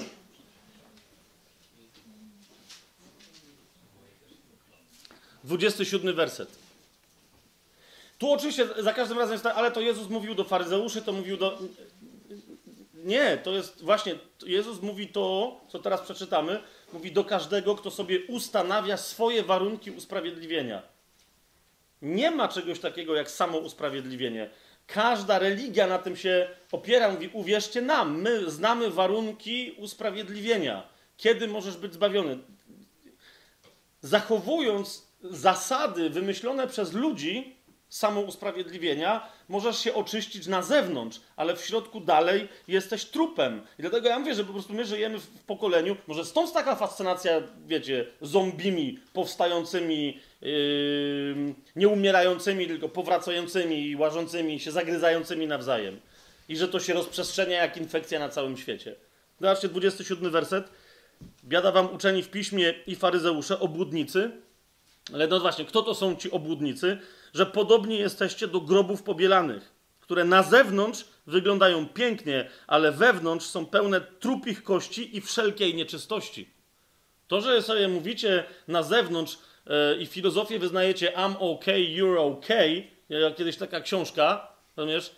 To, to, znaczy ja teraz mniejsza o to, co tam było w tej książce, tylko dzisiaj to jest przez ludzi rozumiane, ty nie tykaj mojego shitu, ja nie będę tykał twojego shitu, no nie?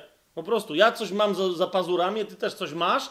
Jak ja ci za bardzo tego brudu z zapazurów nie będę wytykał, to ty mnie też nie wytykaj i wtedy będziemy ok. No nie będziecie ok. Bo jesteście w środku martwi. To na tym polega cały problem. Czytamy dalej 28 werset i następny. Tak i wy na zewnątrz wydajecie się ludziom sprawiedliwi. Widzicie, to jest to. Wydajecie się ludziom sprawiedliwi. I co z tego, że ludzie ci powiedzą, że jesteś sprawiedliwy?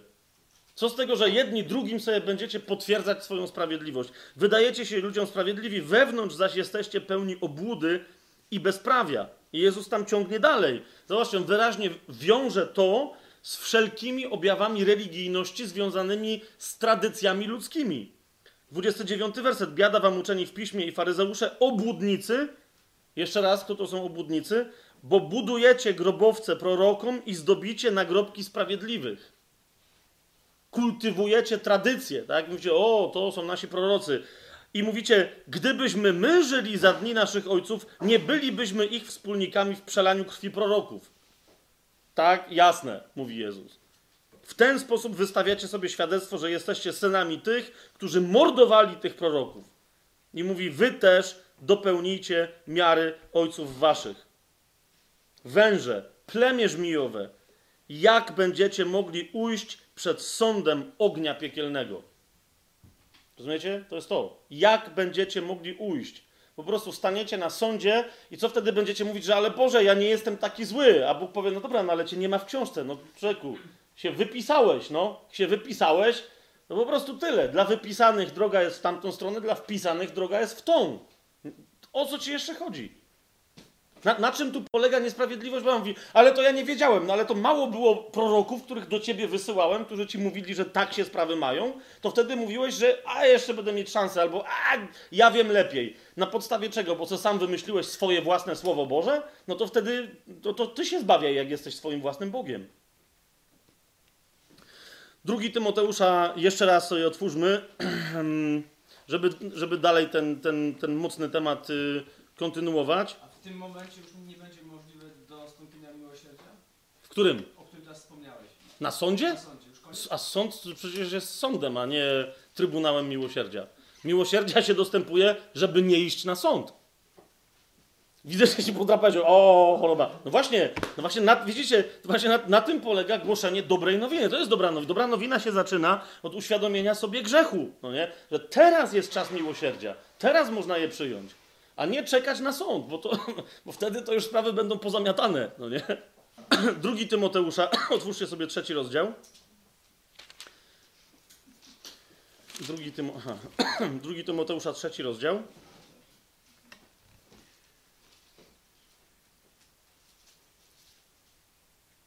Od drugiego do piątego wersetu. Myśmy kiedyś się do niego odnosili, e, ale e, nie w tym kontekście. Poza tym dobrze sobie go jest przypomnieć. Yy, Paweł mówi, to wiedz i o tym pamiętaj, że w dniach ostatecznych nastaną trudne czasy. A więc no właśnie, to, to, to będą takie dni, jak za dni Noego. Dlaczego nastaną trudne czasy? Od drugiego wersetu czytamy. No bo ludzie będą samolubni, chciwi, chełpliwi, pyszni, bluźnierczy, rodzicom nieposłuszni, niewdzięczni, bezbożni, bez serca, nieprzejednani, przewrotni, niepowściągliwi, okrutni, niemiłujący tego, co dobre, zdradzieccy, zuchwali, nadęci, miłujący więcej rozkosze niż Boga. No właśnie, to, to, to jest to, tak? Ja kocham rozkosze, Bóg to musi zrozumieć. Którzy przybierają, i to jest bardzo istotne, którzy przybierają pozór pobożności, pozór pobożności, podczas gdy życie ich jest zaprzeczeniem jej mocy. Takich się wystrzegaj. Tych, którzy zachowują pozór pobożności. Nie, nie, wiem, czy jest w ogóle sens jakkolwiek się do tego, do tego odnosić. Ale znacie masę ludzi teraz y, z rozmaitych tradycji, w ogóle rozmaitych religii, którzy robią masę rzeczy niewątpliwie świadczących o ich pobożności. Okaleczają się dla Boga. Eee, posty rozmaite uprawiają dla Boga, tak? ale rozumiecie, żeby coś przy ich pomocy uzyskać u Boga. Eee, taki czy inny sposób życia podejmują dla Boga, masę wyrzeczeń podejmują dla Boga, ale z jakiegoś dla nich tajemniczego, dla nas oczywistego powodu w tej ich pobożności nie ma żadnej mocy. Ponieważ oni w ten sposób cały czas szukają sprawiedliwości. Ci, którzy są sprawiedliwieni, y, usprawiedliwieni, którzy są sprawiedliwi z łaski przez wiarę, ci dzięki temu, że już są zbawieni, mogą zacząć wreszcie czynić dobrze innym, ponieważ nie robią tego po to, żeby się zbawić. Czynią dobrze innym, bo już są zbawieni. Tak? Nie muszą tego robić dla zbawienia. Robią to w wyniku mocy, która się w nich pojawia. Ich pobożność jest pobożnością wyrażającą się w niszczeniu dzieł diabła, bo mają moc do tego. Jest, jest, jest pobożnością wyrażającą się w objawianiu mocy głoszenia, uzdrawiania, uwalniania dokładnie tej samej mocy, która działała w Mesjaszu. To jest to, co sobie Paweł przypomniał po tym, jak przepowiadał w Atenach i tam błyszczał mądrością słowa i, i tam niewielu nawrócił. Po czym poszedł do Koryntu i mówi, idąc do Koryntu z drżeniem i z bojaźnią tam szedłem, ale sobie przypomniałem, co, co ja mam robić. Mam objawiać moc krzyża Chrystusowego, w którym jesteśmy uzdrowieni, w którym jesteśmy uwolnieni, w którym doznajemy zbawienia. Tej krwi, która murzy, burzy wszelkie mury i wprowadza pokój i w człowieku, i pomiędzy, jeżeli jakiekolwiek mury i podziały w nim się pojawiły, i pomiędzy ludźmi, jeżeli, jeżeli pomiędzy nimi się pojawiły jakieś mury. Drugi Piotrowy, jeszcze raz sobie otwórzmy. Drugi Y, drugi Piotra, trzeci rozdział.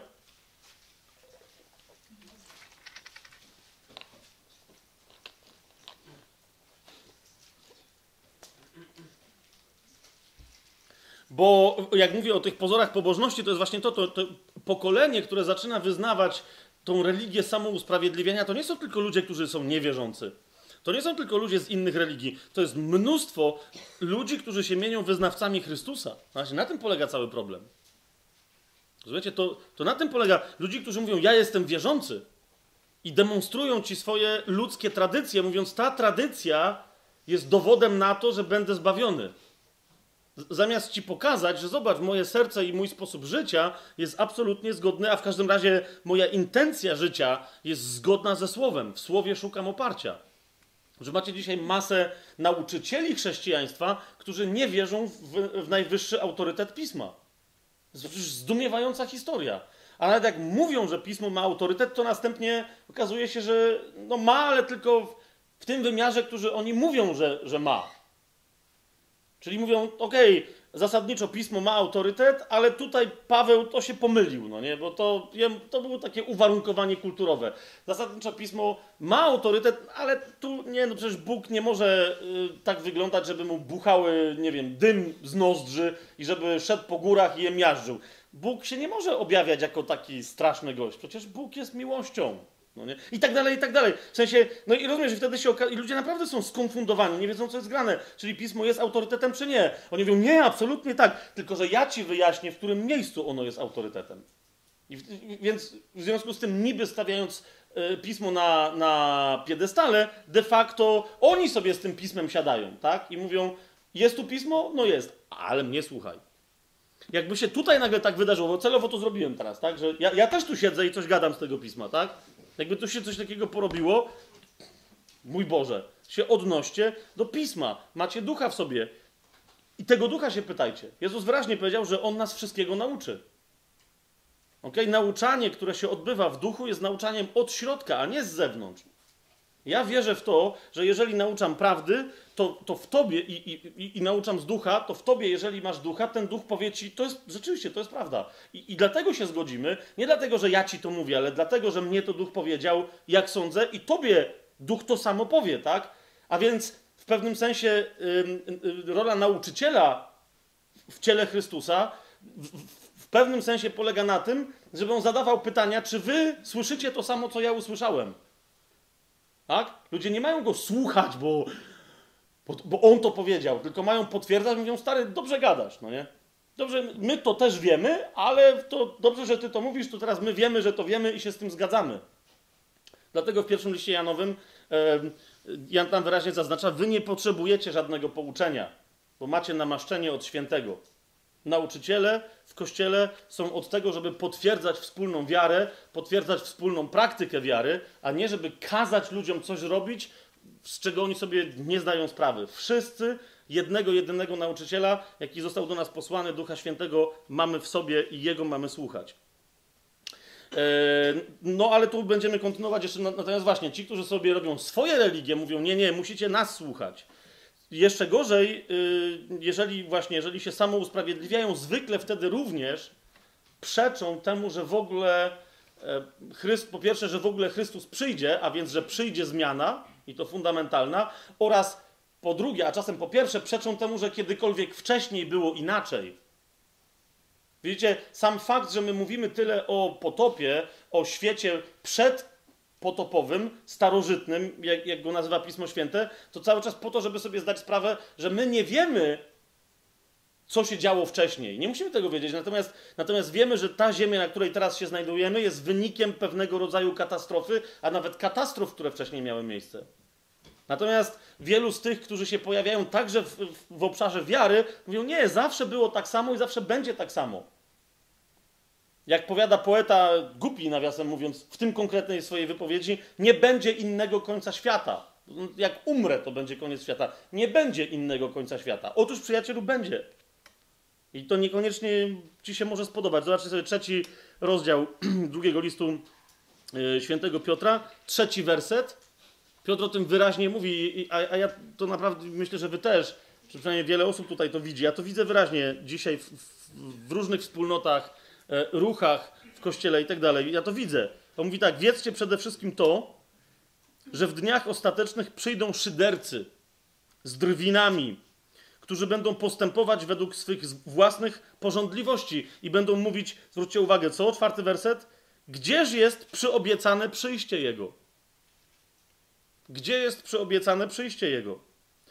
Odkąd bowiem, a więc to jest pierwsze, tak? Czemu nie nadchodzi, czemu nie ma przyjścia? I, i, i- dalej, czyli nie będzie zmiany w przyszłości. I teraz druga rzecz. Odkąd bowiem zasnęli ojcowie, wszystko trwa, jak było od początku stworzenia. No nie, nie trwa, jak było od początku stworzenia. Dochodziło do gwałtownych zmian na Ziemi. Gwałtownych zmian. Ludzie kiedyś nie musieli przechodzić na wegetarianizm, byli wegetarianami. I dopiero w pewnym momencie, jasno to widać dopiero w ramach przymierza z Noem po potopie, ale to mówię, do tego jeszcze, do tego jeszcze dojdziemy. Dopiero, dopiero wtedy Bóg powiedział, oprócz jarzyn zielonych możecie jeść też zwierzęta. Wcześniej nie. E, zi- Ziemia inaczej wyglądała, tak? Tęcza, która się wtedy pojawia jako znak przymierza, wyraźnie Biblia sugeruje, że wcześniej jej nie było, a zatem, a zatem wszystkie zjawiska atmosferyczne, przedostawanie się światła na Ziemię, słonecznego i tak dalej, musiało wyglądać jakoś inaczej. I tak dalej, i tak dalej, i tak dalej. Natomiast tu widzicie, jest wyraźnie powiedziane, przyjdą tacy, którzy powiedzą, Jezus przyjdzie, dajże daj spokój, nie? Wszystko jest tak, jak było i będzie tak, jak jest. Nieprawda. Zobaczcie, co tam jest jeszcze dalej napisane o tych oszczercach.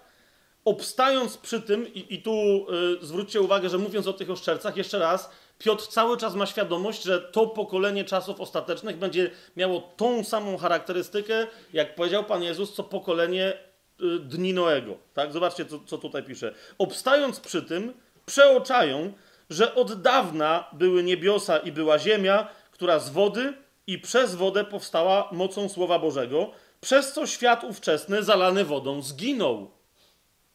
Ale teraźniejsze niebo i ziemia mocą tego samego słowa zachowane są dla ognia i utrzymane są na dzień sądu i zagłady bezbożnych ludzi. Jeszcze raz. To, że ktoś mówi, że nie nadejdzie sąd, nie zmienia faktu, że on już nadciąga i naprawdę najlepszym wyborem jest, jest pójść drogą uniknięcia tego sądu, a to jest droga tylko i wyłącznie przez Jezusa Chrystusa, bo nie ma in, pod niebem żadnego innego imienia, w którym moglibyśmy być zbawieni, jak mówią dzieje apostolskie, tylko w imieniu Jezusa.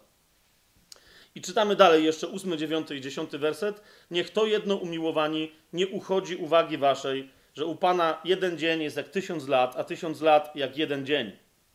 Pan nie zwleka z dotrzymaniem obietnicy, chociaż niektórzy uważają, że zwleka. Widzicie, to było dokładnie to, co przed potopem. Okay? Niektórzy olali, mówiąc bardzo brzydko, cały temat, bo myśleli, że Bóg nie działa.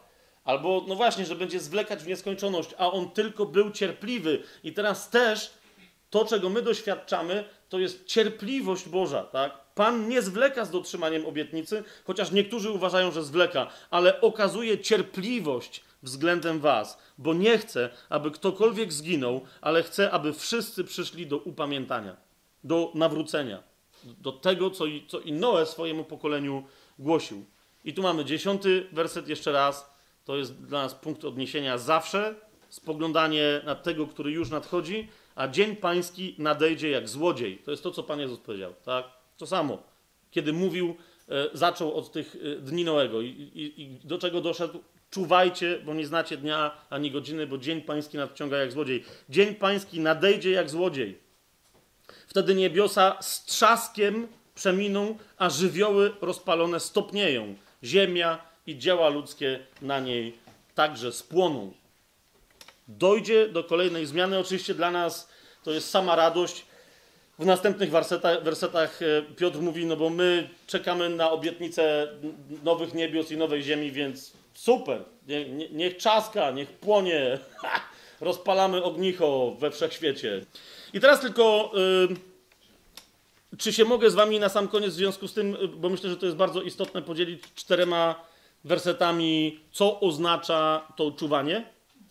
Bo, bo myślę, że w ten sposób, jak żeśmy sobie, żeśmy sobie powiedzieli, na czym polega e, bezbożność i grzech e, i, ta, i ta fałszywa religia pokolenia Dni Noego, które, jak mówię, e, wyraźnie powraca, to, to również trzeba sobie jasno, ja wiem, że to są jasne dla was rzeczy zapewne, ale, ale bardzo jasno trzeba sobie przed oczami postawić, co, jaka postawa możecie ustrzec przed tym wirusem. Bo to nie jest tak, że, że jak ktoś wszedł w wiarę, to, to już siłą inercji już jakoś pójdzie. Tak? List do Hebrajczyków o tym tam w jednym miejscu bardzo mocno mówi, że, że można odpaść od wiary, a wtedy już nic człowiekowi nie pozostaje. I w innych miejscach Paweł i tam inne miejsca mówią wyraźnie o tym, że można, wciąż można odpaść od wiary, a wtedy człowiekowi nie pozostaje nic innego, jak tylko przerażające oczekiwanie na sąd. Skoro już jesteśmy w tym ym, drugim Piotrowym, to, to właśnie, to zobaczmy sobie od 13 wersetu, ale tam też i następne. Co trzeba zrobić, żeby nie być z tymi oszczercami, tylko właśnie po pierwsze, zobaczcie, my oczekujemy według obietnicy nowych niebios i nowej ziemi, w których mieszka sprawiedliwość. Przeto umiłowani, oczekując tego, starajcie się, abyście znalezieni zostali przed nim bez skazy i bez nagany w pokoju. A cierpliwość Pana naszego uważajcie za ratunek, jak i umiłowany brat nasz Paweł w mądrości, która mu jest dana, pisał do was. Tak? Yy, a zatem widzicie, nie tylko, że mamy się cieszyć, że skoro jesteśmy zbawieni i mając pewność wiary, czekamy na, na nowe niebiosa, ale mówi, starajcie się, abyście znalezieni zostali przed nim bez skazy i bez nagany w pokoju, o czym Paweł też wszędzie pisze. Skoro Paweł został wywołany do tablicy, to sobie jeszcze raz drugi do Tymoteusza ot- otwórzmy. Tymek, ty się cieszysz dzisiaj, nie? Tam cały czas Tymoteusz powraca. Drugi do Tymoteusza, y, znowu trzeci rozdział. Tam, gdzie pamiętacie, była mowa o tym, czym się charakteryzuje to, to zdradzieckie, bezbożne pokolenie. Yy, a- ale sięgnijmy dalej, bo, bo, bo zawsze jak jest antyteza, to, to potem powraca właściwa Boża teza. Czyli jak jest powiedziane, co ci ludzie tam będą, czym się będą charakteryzować, jak tam będą szaleć, jakie głupoty będą robić. Trzeci, drugi Tymoteusza, trzeci rozdział, od 13 wersetu sobie pojedźmy, tak? I tu Paweł mówi do niego, że no to źli tam będą dalej tam brnąć. Czyli od 13 wersetu czytamy. Ludzie zaś źli i oszuści coraz bardziej brnąć będą w zło. Właśnie to jest, widzicie, to jest to. Za, zaczyna się od tych, tego, przeciwko czemu głosił e, Henoch, o czym zaświadcza Juda, ale skończy się, że na, naprawdę skończy się jak za dni Noego. Że ciało, każde ciało będzie skażone. To nie będzie tylko niemoralne zachowanie. A więc y, ludzie źli i oszuści coraz bardziej będą brnąć w zło, błądząc sami i drugich w błąd wprowadzając. I tu jest rada do ciebie i do mnie. Ale ty trwaj w tym, czegoś się nauczył i czego jesteś pewny, wiedząc od kogoś się tego nauczył. No i teraz od kogo? Otóż mamy szybkie wyjaśnienie, ponieważ od dzieciństwa znasz Pisma Święte, które cię mogą obdarzyć mądrością ku zbawieniu przez wiarę w Jezusa Chrystusa. Tak? Cytat doskonale znany, ale naprawdę e, pow- powtórzmy go sobie, tak? A więc chodzi o pisma święte, te, które tutaj właśnie, które w rękach trzymamy, tak? Całe pismo przez Boga jest natchnione i pożyteczne do nauki, do wykrywania błędów, do poprawy, do wychowywania w sprawiedliwości, aby człowiek Boży był doskonały, do wszelkiego dobrego dzieła przygotowany. A zatem jeszcze raz, co? Pismo święte, czytane w duchu. Dalej, skoro, skoro już Piotrek y, Pawła pochwalił, to my od Pawła wróćmy do Piotra, tylko tym razem do pierwszego listu Piotrowego. Do czwartego rozdziału przeskoczmy, tam na sam koniec, prawie że.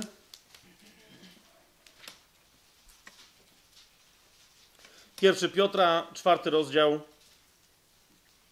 siódmy werset. Wtedy już Piotr to pisał, a dzisiaj tym bardziej to jest oczywiste. Zauważcie. Lecz przybliżył się koniec wszystkiego. Że tak powiem, amen.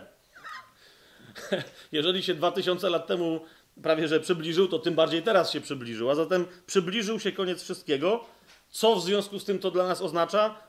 I to jest czuwanie, tak? To jest czuwanie. Bądźcie więc roztropni i trzeźwi, abyście mogli się modlić.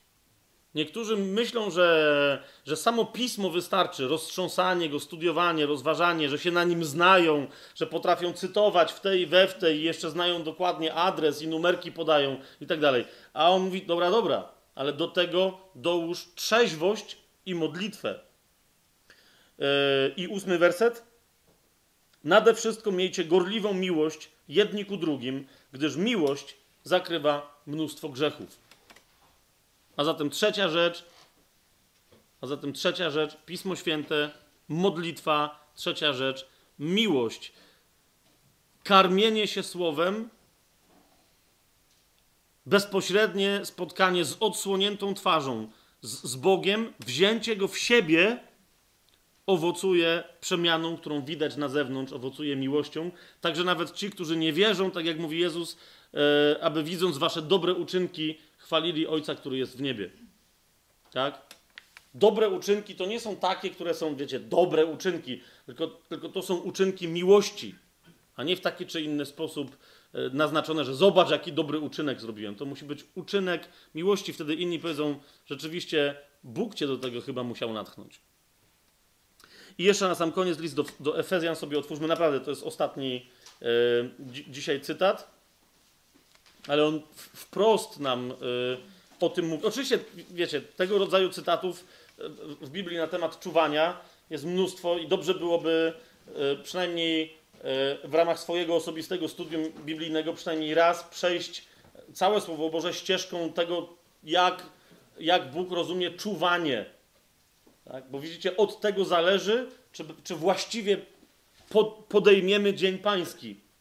Więc list do Efezjan, szósty rozdział. E, tam jest oczywiście, wiecie, informacja przede wszystkim, że nie toczymy walki, walki przeciwko ludziom, tylko e, przeciwko, e, przeciwko duchom złym. Jest informacja o tym, żeby wziąć na siebie pełną zbroję Bożą, całą zbroję Bożą.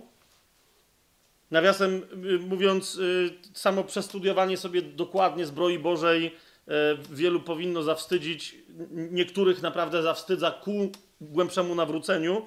Przestudiowanie sobie zbroi Bożej to jest jedna z podstaw również, tak? Widzicie, nie można toczyć walki duchowej, nie mając na sobie pełni zbroi Bożej. Znaczy, można toczyć taką walkę, tylko wtedy należy się spodziewać, że się z niej wyjdzie pokrwawionym, poranionym i bolesnym, tak? skuteczną walkę duchową możesz toczyć w pełni e, zbroi. Teraz, no, jeżeli w związku z tym na przykład ktoś nie przepasał swoich mm, e, bioder prawdą, to automatycznie żadnej walki duchowej nie poprowadzi sensownie. Jeżeli ktoś nie przywdział pancerza sprawiedliwości przez pełne przyjęcie e, Chrystusa w wierze, no to, to jest jasna sprawa. Jeżeli nie ma w sobie gotowości zwiastowania Ewangelii pokoju, ja tu sobie z Jezusem, my tu sobie żyjemy, ja się spotykam e, w moim kościele, w moim zborze, w czymś tam, gdziekolwiek, tak, ale nie ma takim chrześcijaninie gotowości wyjścia i dzielenia się, automatycznie nie ma pełnej zbroi Bożej, nie ma butów na nogach, tak? Zobaczcie dalej, co się dzieje. Jeżeli, jeżeli nie ma wiary, która, która. Mi się ostatnio to słowo spodobało. W korporacjach mówią, e, że dobry pracownik to jest ten, który dowozi. Nie? W sensie, że ma rezultaty tak? Który dostarcza też, tak, ale to ja, no tak, no, ty jesteś tak, z tej branży, która dostarcza. więc tu, a tutaj chodzi o to, że, yy, więc chodzi o, o, o posiadanie takiej wiary, która dowozi, tak, która dostarcza. Co, co to oznacza? No, no właśnie, która się wyraża w uczynkach mocy. Jeżeli Jezus mówi tym, którzy uwierzą, takie znaki towarzyszyć będą, na chorych położą ręce, ci będą zdrowi, będą mówić innymi językami, cokolwiek zatrutego wypiją, nie zaszkodzi im, i tak dalej, i tak. To jest jeden z tych elementów, ale jeszcze raz, e, e, najważniejsze uczynki mocy to są uczynki miłości, tak? Nie tylko, czy wręcz nie, bez, nie, nie przede wszystkim cudotwórstwo, tak? To jest tarcza wiary. I tylko tarczą, tarczą wiary będziecie mogli zgasić wszystkie ogniste pociski złego. Widzicie, szósty rozdział, szesnasty werset, tak? Przyłbica zbawienia, kolejna rzecz. jeżeli chrześcijanin żyje, myśląc, że zbawienia dostąpi dopiero na sądzie, no to już, to już, to już w sobie wewnętrznie jest jakiś absurd, kiedy czeka na zbawienie, które ma przyjść dopiero, kiedy on umrze, tak? No to jak w takim razie jeszcze w tym życiu miałby y, mieć na sobie, z- w sensie chroniącą siebie przyłbicę zbawienia. Jeżeli nie ma zbawienia i dopiero na nie czeka. To dlatego ci chrześcijanie, którzy czekają dopiero na zbawienie w swoim życiu, a nie doświadczają go, no to ci mają gęby odsłonięte i, im walą, zły im wali po głowie czym chce i, i nie mają tam żadnej obrony, tak? E, No i wreszcie, jak niewielu to niestety zauważa, e, elementem zbroi Bożej, ale jedynym, jedynym ofensywnym elementem, w sensie jedynym czymś, bo ta, wiecie, to wszystko służy, żeby się bronić przed złym, tak? A jedyna rzecz, którą możesz zaatakować złego, zauważcie, miecz ducha, to jest co? 17 werset to jest Słowo Boże, tak? Słowo Boże nie tylko, że takie, które znasz, ale którym żyjesz. No i teraz mamy 18 werset. O to mi chodzi, że po tym wszystkim jest napisane 18 werset. Tu jest jasno powiedziane, na czym polega czuwanie trzeźwe. Tak? Jeden z wielu tych wersetów, ale ten mi się bardzo podoba. W każdej modlitwie i prośbie, yy, w każdej modlitwie i prośbie zanoście o każdym czasie modły w duchu. I w ten sposób czuwajcie z całą wytrwałością i błaganiem za wszystkich świętych. No i tam dalej, i za mnie, i tak dalej, i tak dalej, i tak dalej. Czuwanie nie może być oderwane od modlitwy. Cokolwiek robimy w swoim życiu, wychodzimy na ulicę, żeby głosić Ewangelię, idziemy do pracy, żeby, żeby tam coś robić. Tak jak teraz spotykamy się, czy tak jak w inne sposoby pochylamy się nad Słowem Bożym. Modlitwa to nie ma być wyrwany element e, z dnia. Pół godziny na modlitwę, 10 godzin na modlitwę, ale potem robię co innego. Chrześcijanin to jest ktoś, kto jest modlitwą w tym świecie. Jak, jak Paweł ym, bodaj w liście do Filipian mówi o tym, żebyśmy byli źródłami światła w ciemności świata, żebyśmy go oświetlali, to, to my świecimy tylko wtedy, kiedy się modlimy. Nie, nie ma takiej możliwości, żeby chrześcijanin przestał się modlić, bo się wtedy okaże, no właśnie, że jest jedną z tych panien głupich. Teraz jak to zrobić, to, to jeszcze w ramach tego naszego studium przyjdzie, yy, przyjdzie czas, żeby się też nad tym pochylić, tak? ale zasadniczo yy, idzie o samą wewnętrzną postawę. Wszystko, cokolwiek się w Twoim życiu dzieje, cały czas w duchu odnosisz do swojego Pana, a w Jego imieniu do, no po prostu do Boga, tak? W każdej modlitwie i prośbie zanoście o każdym czasie modły w duchu. I tak czuwajcie z całą wytrwało, wytrwałością i błaganiem za wszystkich świętych. Tak sądzę, że, że wyraż, taką postawą właśnie mocnej, potężnej modlitwy wyrażało się życie Noego i dlatego nie jego samego Pan uratował, ale i jego żonę, jego trzech synów i ich żony. A głupota tamtego pokolenia, yy, brak wiary i brak poznania, zauważcie do czego doprowadziły, yy, bo niektórzy czytając pismo yy, albo jakieś opowieści snując mówią, że Noe wszedł do arki i tam spadł deszcz. Jak dobrze czytacie, to zobaczycie, że, że Noe wszedł do arki no naprawdę wystarczyło tam tylko przyjść, to myślę, że to był ostatni, to była ostatnia szansa dla tych ludzi. Wystarczyło tam przyjść i na to popatrzeć. Jest powiedziane w piśmie wyraźnie i nie, nie powiem wam gdzie, żebyście sobie do tamtej historii biblijnej wrócili i sami to zobaczyli. Jest powiedziane wyraźnie, że jak Noe wszedł do arki y, z całą swoją rodziną, to Bóg osobiście zamknął za nimi drzwi. Tak? O, o, oni ich nie, może je dociągnęli, nie wiem, ale to Bóg je zamknął, Zresztą, wiecie, cała arka była odpowiednio przygotowana, pokryta tam jakimś, nie wiem jak to się nazywa, towotem, tam e, smołą, czymś tam, no nie, smarami jakimiś i tak dalej. Nie, nieważne, chodzi o to, że Bóg za nimi zamknął e, i tam, gdzie te, gdzie te wrota wejściowe były, On uzupełnił te miejsca, żeby tam się też woda nie przelewała. On za nimi zamknął, a dopiero siedem dni po tym, jak oni weszli do arki, dopiero wtedy spadł deszcz. Siedem dni, cały tydzień jeszcze, to jest bardzo charakterystyczne, cały tydzień jeszcze, jeszcze czekali, aż deszcz spadnie. Cały tydzień jeszcze po, po tamtym fakcie, jak Bóg za nimi zamykał, jeszcze ludzie mogli się nawrócić. Cały czas naprawdę osobiście wierzę, że Bóg w swojej cierpliwości, jakby oni wtedy się do Niego odwołali, to jakby ich było mało, to by ich też na tą arkę wpuścił. Bo jak zamknął, to jeszcze mógł otworzyć i jeszcze raz zamknąć. ok? A jakby ich było dużo, to może by nawet do całego tego potopu nie doszło. Ale nikt więcej, poza tym jednym, który został usprawiedliwiony z, wiary, nikt więcej nawet nie chciał się ruszyć. Co to oznacza? No to, no to już tobie na osobistą modlitwę i na osobiste spotkanie e, z Bogiem wszystkie dalsze rozważania zostawiam.